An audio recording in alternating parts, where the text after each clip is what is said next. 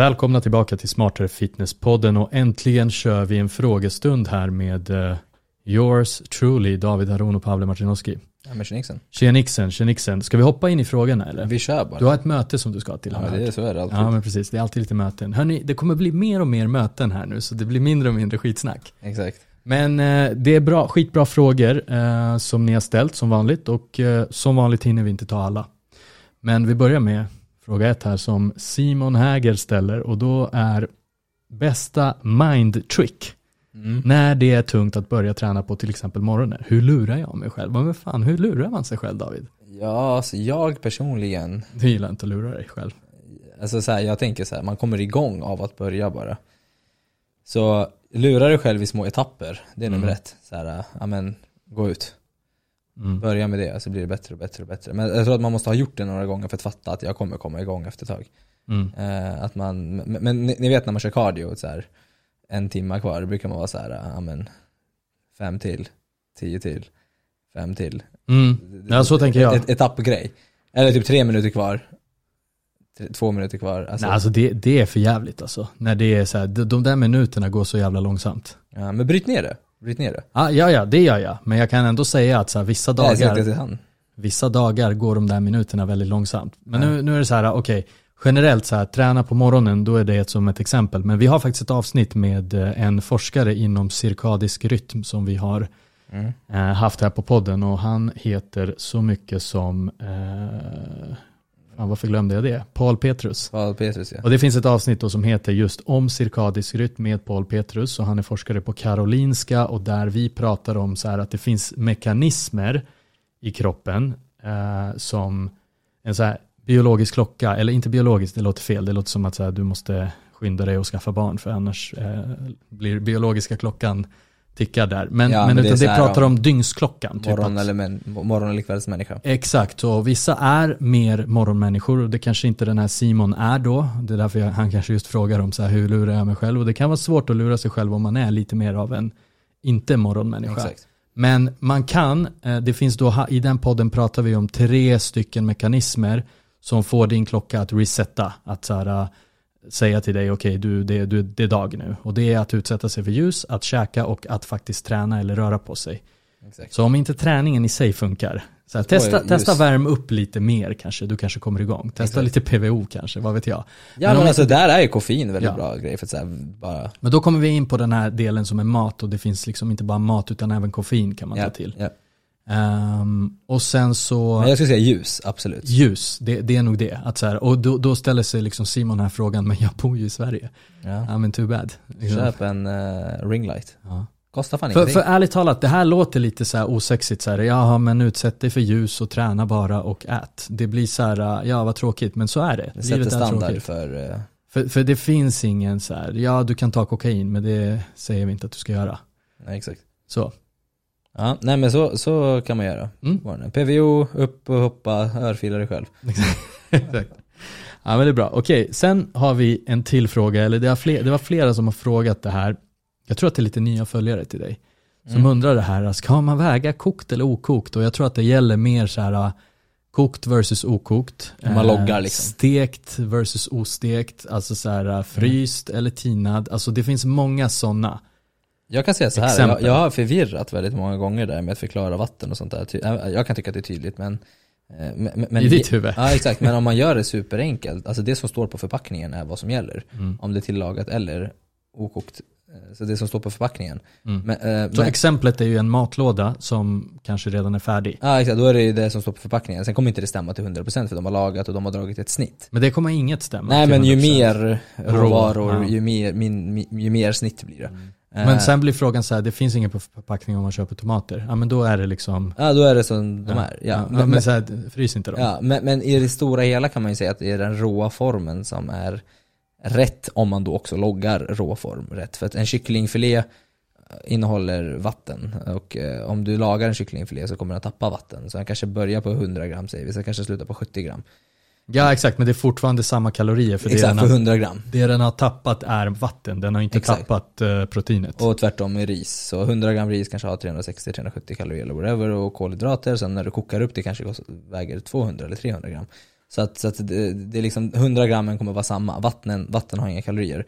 Men ibland kan man ju köpa så här färdig ris också och då är det så här, ja stämmer eller inte, förmodligen inte men det är ett snitt liksom. Så du, du skjuter inte fel om du följer vad som står i alla fall. Mm. Alltså det viktigaste när det kommer till kaloriräkning är att ett, det kommer aldrig vara exakt. Två, du kommer aldrig veta hur din kropp tar det upp eller hur det gör. Det handlar om att bara vara konsekvent med det man loggar och sen se vad som händer över tid. Jag tror det mest, det folk gör fel oftast är att de loggar, inte bara loggar lite olika varje gång, utan även så här loggar och sen ibland inte loggar. Och sen så vad är det du mäter resultaten på? Att du har loggat 3 av 17 dagar, det blir inte Exakt, rätt liksom. exakt. Och samma sak om man tar typ så här ännu extremare grejer som typ så här nötter. Mm. Det, Ja, det, det är ja. så här, ja alltså 30% kan vara svinn, är det mer mosat, har du tuggat bättre kanske det är, fan vet jag, 15% svinn. Är Ja, det är så här, man ska inte hålla på med sånt här. Det Nej, bara- är det liksom sm- jordnötssmör så kommer det vara förmodligen väldigt lite svinn. Mm. Eh, Kroppen tar upp och så. Så att när folk säger så här kalorier eh, in och ut funkar inte för det är väl mer än så. Då är det så här, men det hand- om, man har ett förstå, om man har förståelse om kalorier in och ut så förstår man att då pratar man om kalorierna som kroppen använder. Jag vill bara backa bandet om man förstår lite mer fysik, inte bara kalorier. Ja exakt, viss energi kan gå genom, genom röven, absolut. Om, man förstår världen. Ja exakt, exakt. Nej men, nej, men eh, så, så följ någonting, se vad som händer, korrigera. Så vad ska jag göra då? Kokt eller okokt? Nej, jag bara. Ja, Men komiskt nog, här är en liten fun fact som Pavle sa innan här. Eh, kokt potatis ändrar faktiskt ingen form alls. Det är sant. Så kokt potatis, 100 gram okokt eller kokt, eh, Det blir samma. det blir samma. Fast okej, det beror på om du, alltså du måste, vad säger man, du måste ta bort vattnet som du har kokat i. Ja men du äter inte Jag, väger, alltså, jag har sett folk göra allt möjligt. ja, jag såg en Sen, nej men jag tog bort vattnet, nej du gjorde inte det, det är fan två liter kvar. Ja, exakt. Ja, det väger så här i kastrullen. Exakt. Ja, men, kok, kok, men, men kokt potatis är faktiskt en jävligt eh, smidig prepp kolhydratkälla. Ja men där har ni bonusgrej då. för det kan man bara direkt så här, eh, översätta till eh, vad det är. Mm, nice. Bra! Med skal eller utan skal då? Ja men det är valfritt. det är bra. Okej, vi har nästa fråga här och den är, jag ska inte ens eh, försöka uttala namnet här. Vänta Det- där, kokt potatis, inte ugnsbakad. För ugnsbakad tappar vätska. Ah, Folk sant. kommer tänka så här, men potatis är okej. det Där är väldigt många med olika case här Ja, och är så här, Kokt potatis. eh, så här, googla lite bara. Inte, inte, inte ugnsbakat, för då blir det liksom tunnare skivor. Ja. Ja. Fan vad mycket värden ni fick här nu. Ja, Alla ni som vill jag tycker inte äta om potatis. Nej, då får du klogga. Nej men det är så här, ja men jag gillar pommes frites, ja jag med. Ja men ät det då. Ja exakt. Så, vi går vidare. Mm.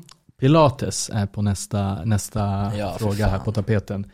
Eh, och då är det en person här som jag inte ens ska försöka uttala namnet på som eh, säger att det är väldigt populärt nu. Det har inte jag förstått faktiskt att det är det, men vi säger går det. i cykler. Exakt. Men är det verkligen sant att man kan få en sån tonad kropp och av bara pilates? Och bra mat som, aha, aha av ton, tonad kropp av bara pilates och bra mat som folk påstår på sociala medier eller måste tyngre vikter in i träningen? Mm. Måste, jag gillar inte det här måsten. Nej, alltså jag tänker så här. Skit i pilates. För det, det, det trendar ju inte bara om pilates, det trendar också om calisthenic.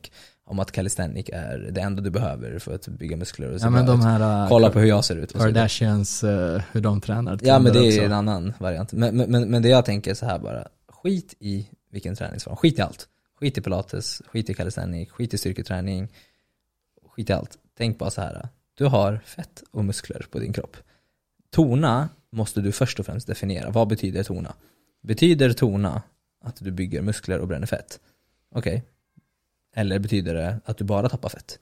Eller betyder det att du bara bygger muskler och känner dig tajtare? Men David, alltså det är ju så här, uh, man är lite överviktig kanske och så vill man bara bli slank. Det det Ja, men menar. då är frågan, vill du tappa fett eller vill du tappa fett och bygga muskler? Men jag, vill- jag vill bara bli slank. Ja, Tonad. precis. Då måste vi börja där. Tona betyder förmodligen att du vill tappa fett och bygga muskler. Så fett kommer du tappa genom att äta mindre kalorier än vad du gör av med. Oavsett om du kör pilates, calisthenics, styrketräning eller inte. Jag måste bara få vara lite mer djävulens advokat här Ja. och bara så här, ja fast tänk om jag blir för stor då? Jag vill ju inte bygga för mycket muskler. Hur Ja. fan, alltså Och du jag är ju lite bygga. rädd, jag är lite rädd för att gå till gymmet. Alla är ju så stora där. Ja, men det... Tjejerna med stora rumpor. Jag vill inte ha så stor rumpa. Nej, men det... Jo, det vill jag i och för sig ha. Exakt. Men, nej, men du kommer du inte få om du inte eh, gör en effort för det. Så, så, så hur ska jag göra då? Ja, men pilates är inte det optimalaste för att bygga muskler, nej. Men om du är nybörjare och du tränar, såklart det kan kännas, såklart det kan vara jobbigt, du stretchar och det är tufft och så vidare. Men det är inte så styrketräning fungerar.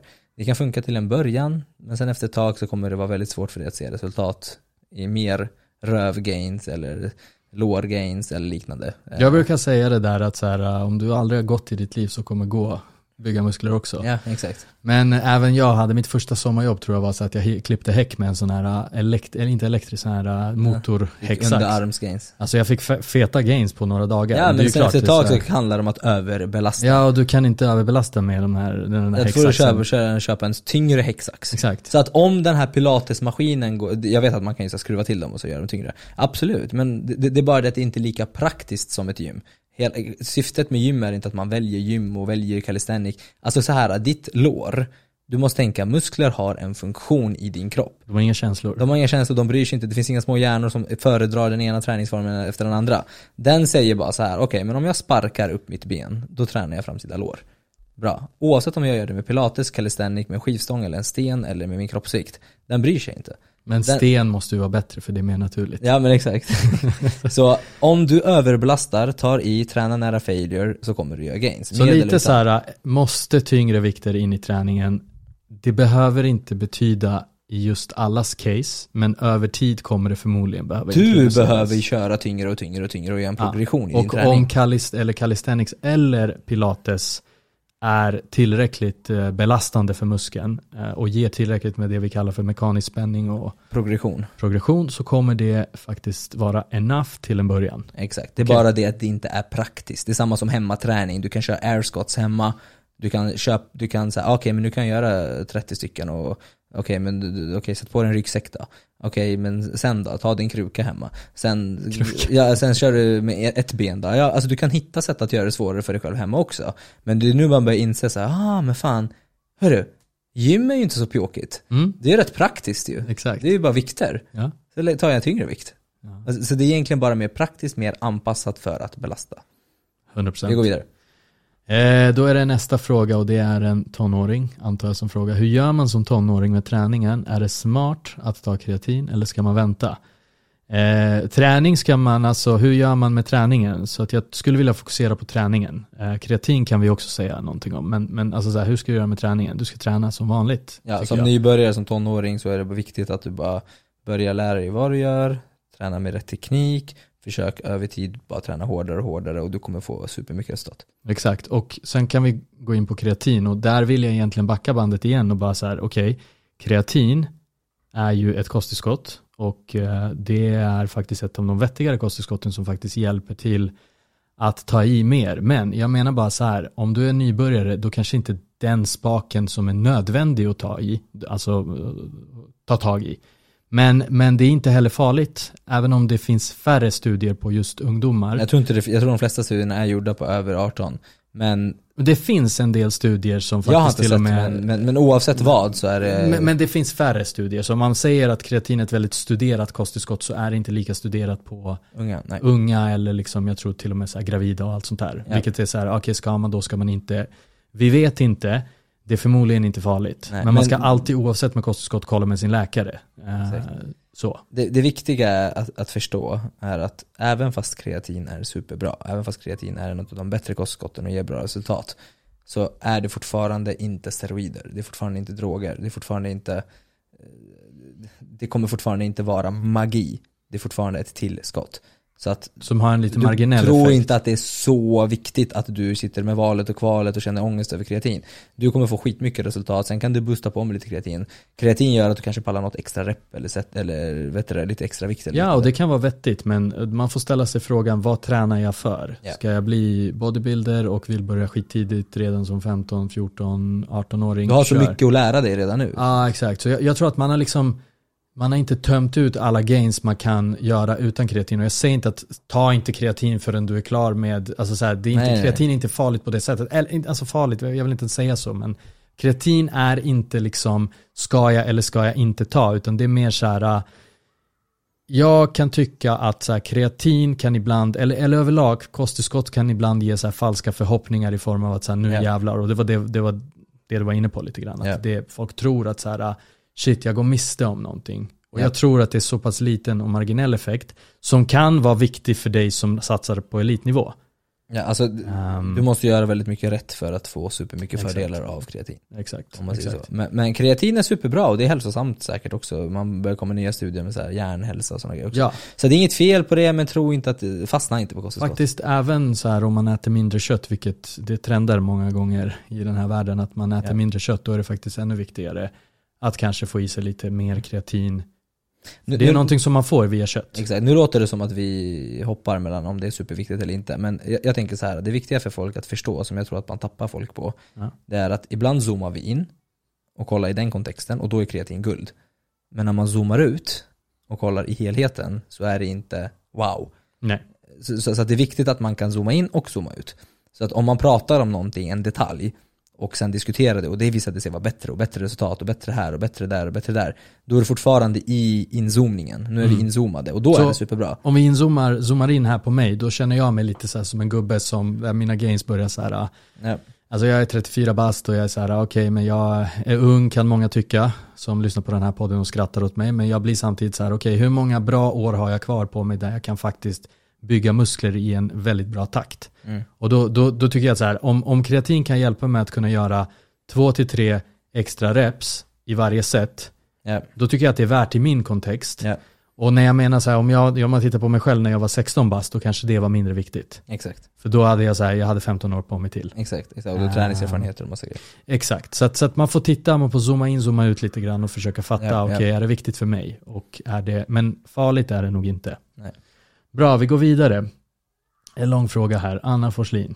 Eh, Hej, jag hörde någonstans att om man kör en träningsmetod inom kondition, till exempel löpning eller cykling, tillräckligt länge så bränner man mindre kalorier eftersom att kroppen vänjer sig vid den typen av träning. Det vill säga man har byggt upp massa muskler etc.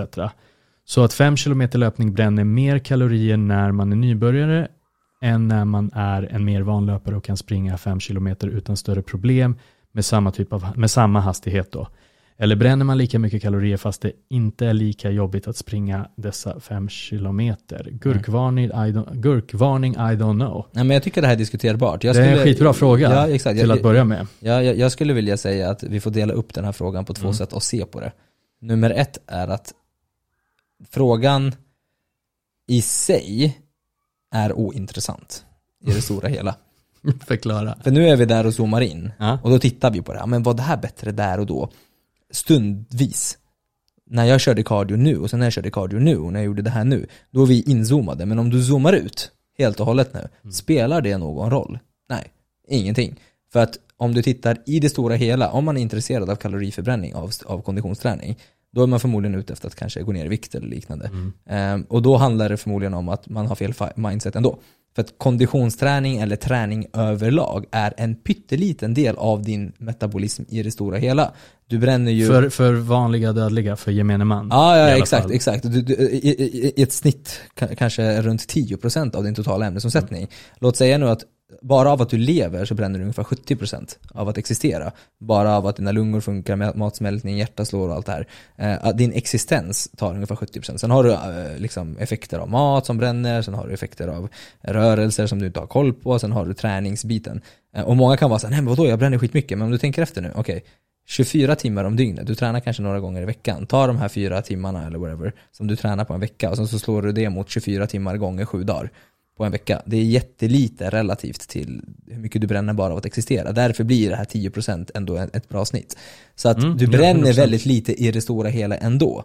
Men om vi nu zoomar in och kollar, ja det stämmer faktiskt, man blir mer efficient som det heter. Men det är inte så mycket, jag kommer inte ihåg den studien, jag läste den för jättelänge sedan, men men det är inte så mycket att du bränner 1000 kalorier och sen bränner du 200 kalorier. Det handlar om att din kropp blir lite effektivare och du kanske tappar någon hundring eller någonting. Alltså du har bättre teknik, du är bättre liksom, men, men det får mig till nästa så här.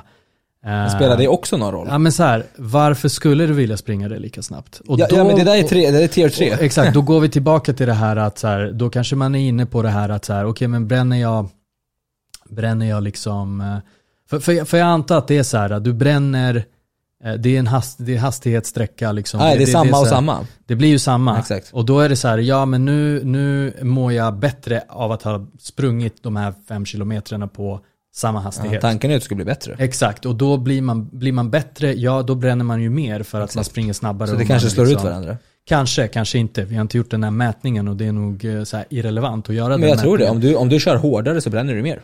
Ja, Men ja. jag är också så här, det hade inte heller spelat någon roll i stora hela. Ja men alltså så här, om du tittar på löpare, liksom, det är inte så, alltså löpare på, på en liksom, proffsnivå. Ja. Oavsett om det är långdistans eller kortdistans, de, är ju, alltså, de har ju liksom, en, en fit kropp. Ja, ja, de är... Sen kanske vissa är smala som fan för att de kör löp, Ultra, alltså, ja. långdistans eller ultragrejer. Och vissa är mer satta och liksom springer 100 meter, alltså, eller 200 Ja, men meter. deras är så här- fokus är inte hur mycket de bränner. Nej, De nej. fokuserar på prestation. Exakt, exakt. Och, och jag menar om man fokuserar på att bränna kalorier genom eh, då att köra konditionsträning och av den anledningen håller mig då till samma hastighet.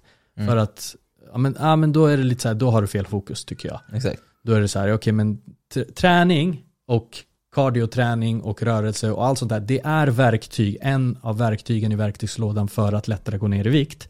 Men man ska inte ge det för mycket cred. Exakt. Eh, så. Exakt. Och, och det är viktigt att man bara förstår att det är inte heller så det funkar i det stora hela, även om du hade bränt mer eller mindre. För att om du bränner ett visst mängd kalorier tillfälligt så kan kroppen fortfarande kompensera senare och bränna mindre kalorier genom att du blir latare och liknande. Så att det, det är inte statiskt ändå. Ja. Det man har tittat på i de här studierna, det är liksom vad händer om man, är, om, om man kör x bla bla bla på x tid och vad händer om man har gjort det ett tag? Ja, då, då ser man där, just där och då så kanske man bränner mindre av att vara mer efficient eller mer van. Men det spelar ändå ingen roll i slutändan. Det kanske till och med gör, vi vet inte, jag har inte sett någon studie på det, men vi vet inte om, låt säga att du blir mer van. Mm. Ja, då kanske du är mer fit. Och då kanske du inte kompenserar mer. Det är det. För att kroppen inte känner att det här var superjobbigt, vi måste spara energi. Mm, Då alltså kanske- kompensera i form av att hänga i soffan resten Ja av exakt, dagen. för det här är viktigt för folk att förstå att kalorier ut är dynamiskt. Du, du bränner, om jag springer en mil, då kanske jag kommer vila i soffan efter. Men om jag inte hade sprungit en mil så kanske jag hade gjort annat.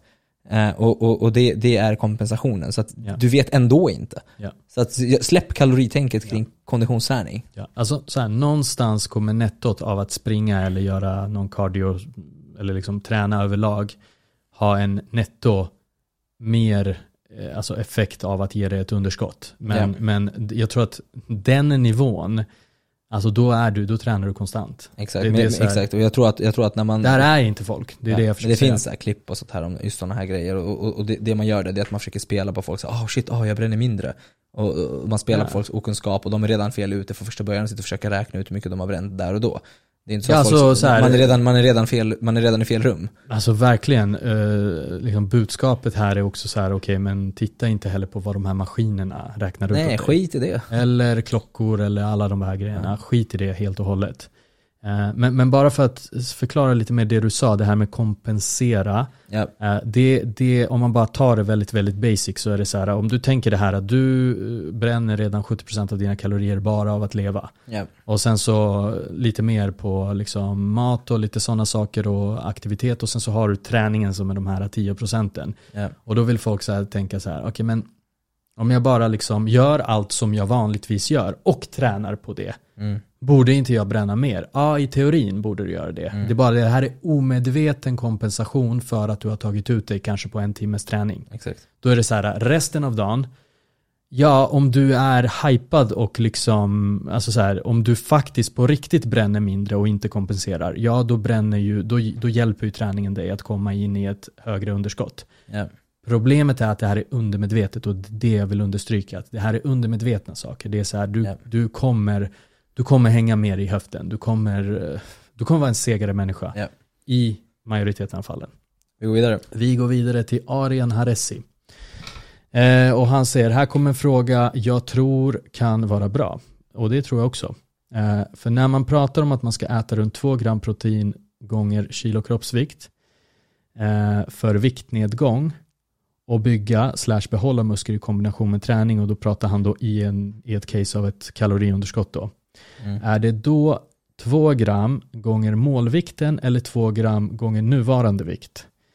Eh, det vill säga jag kanske väger 120 idag, ska jag ta två gånger min nuvarande vikt eller jag vill gå ner till 80, ska jag ta 80? Mm. Och så väger man, ja, så, så det är egentligen så här frågan, för det kan vara, ehm, kan man tycka mer rimligt att ha målvikten för annars äter man för mycket protein, men man kan väl vrida och vända på det här lite grann Man jag. kan göra det på jättemånga olika sätt. Det, det, riktlinjerna baseras på i det stora hela, majoriteten, och då tittar man oftast på kroppsvikt för att det, det faller in på de flesta människorna. Ehm, och riktlinjerna som vi faktiskt snackade om på förra poddavsnittet är ju eh, att man tittar på tränande individer 1,6 till hela vägen säg till 3 gram protein per kilo Mm. kroppsvikt. Eh, eller vi skiter i 3, det är onödigt. Men, men ta 2,5 då. Ja. Eh, och, och, Och två är någonstans där i mitten. Ja exakt, och då, då blir det så här. Vart ska man lägga sig? Ja, men, då brukar man säga så här, men om du har mer fett på kroppen och äter i ett överskott och äter mestadels animaliskt, lägg det lite mer mot det lägre spannet. Mm. Och om du ligger i ett underskott, mindre fett på kroppen och så vidare så kan du lägga det mer mot det övre spannet för att försäkra dig om mer protein. Mm. Men det stämmer att egentligen så matar ju inte, protein matar ju inte fett, protein matar ju musklerna. Så egentligen så ska man ju kolla på fettfri massa och räkna ut proteinintaget för det. Men det är bara så här opraktiskt för väldigt många och onödigt krångligt. Och det är inte många som sitter och mäter sin fettprocent exakt heller. Och, och, och det funkar för majoriteten. Men absolut, är man en lite outsider i det hela och väger kanske 150 kilo. Ja, då kanske 1,6 gram per kilo kroppsvikt också är overkill. Mm. För att det kan också bli så här, okej 1,6 gram det är fett mycket protein ändå. Så mycket muskelmassa kanske inte man har. Ehm, ändå. Ehm, Ja, och jag tänker också, det diskuterade vi lite innan den här podden. Kanske inte är fokuset heller. Fokuset där kanske handlar om att bara gå ner i vikt. Ja men alltså om du tar då 1,6 för en sån person som väger 150, bara proteinet kanske blir för mycket kalorier. Ja, Inte kanske för mycket kalorier, men att det blir så här, okej till slut äter man bara kött. För att nå sitt proteinmål.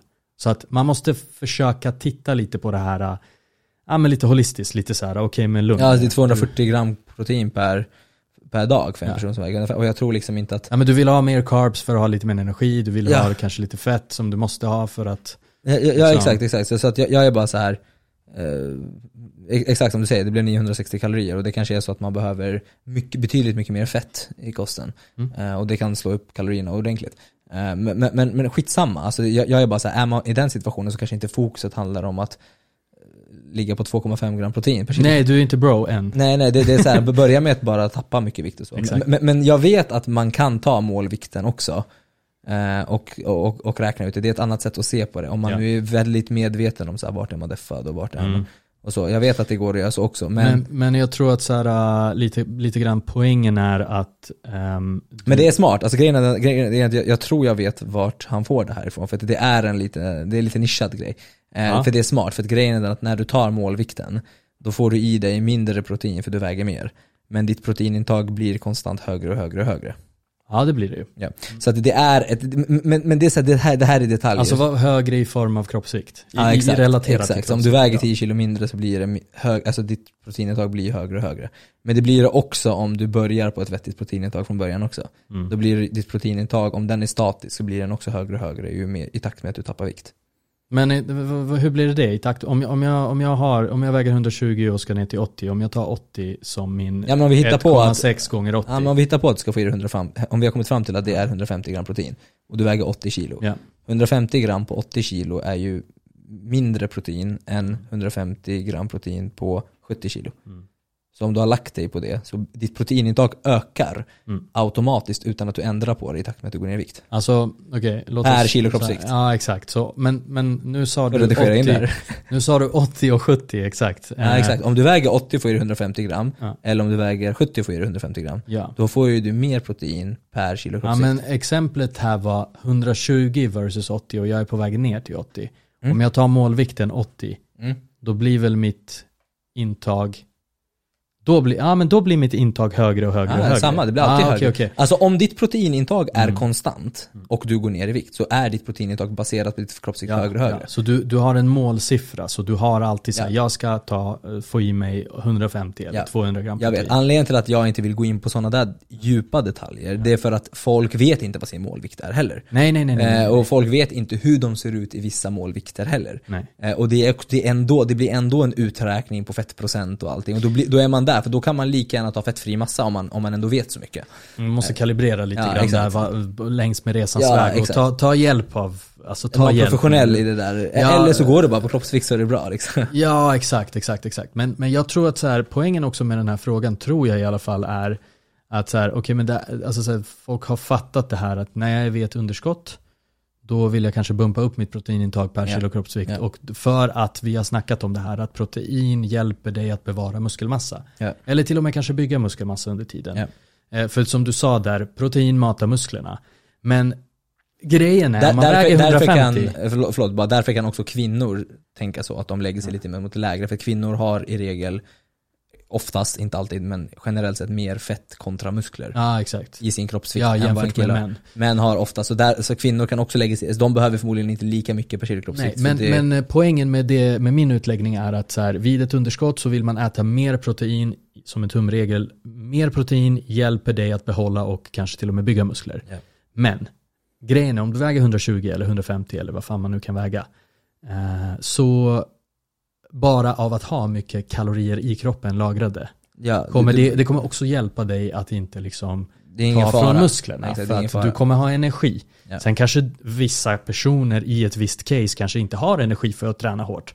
Men oftast är det caset om man har mycket energi och äter normalt Ja. och inte har ett för grovt kaloriunderskott. Risken för muskelnedbrytning är inte så hög i Nej, början. nej. Det, det, risken för nedbryt- muskelnedbrytning är när kroppen känner mer hot om man tappar för mycket fett på kroppen. Exakt. Men har man så mycket fett på kroppen så känner kroppen att det är rätt fine att bli av med fett. Bra.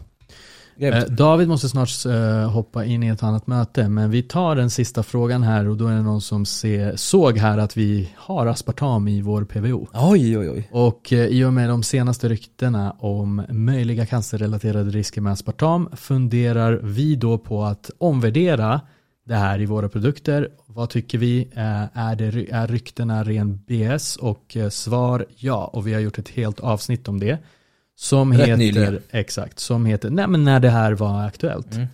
med aspartam och då har vi ett avsnitt som vi släppte faktiskt 13 juni 2023 är aspartam cancerframkallande. Vi får faktiskt hänvisa till det avsnittet. Ja, men också till Robel som var här och pratade om eh, eh, frågestunden med Robel. Can- cancer, ja han, exakt. där kan ni också söka på honom. Robel på TV4, han pratade om det också på TV4. Han var faktiskt den enda vettiga på nyheterna som, som, som klargjorde den skiten. Jag också. säger så här, vår videoguy här får klippa in det där. Ja, så kolla på det avsnittet också på TV4.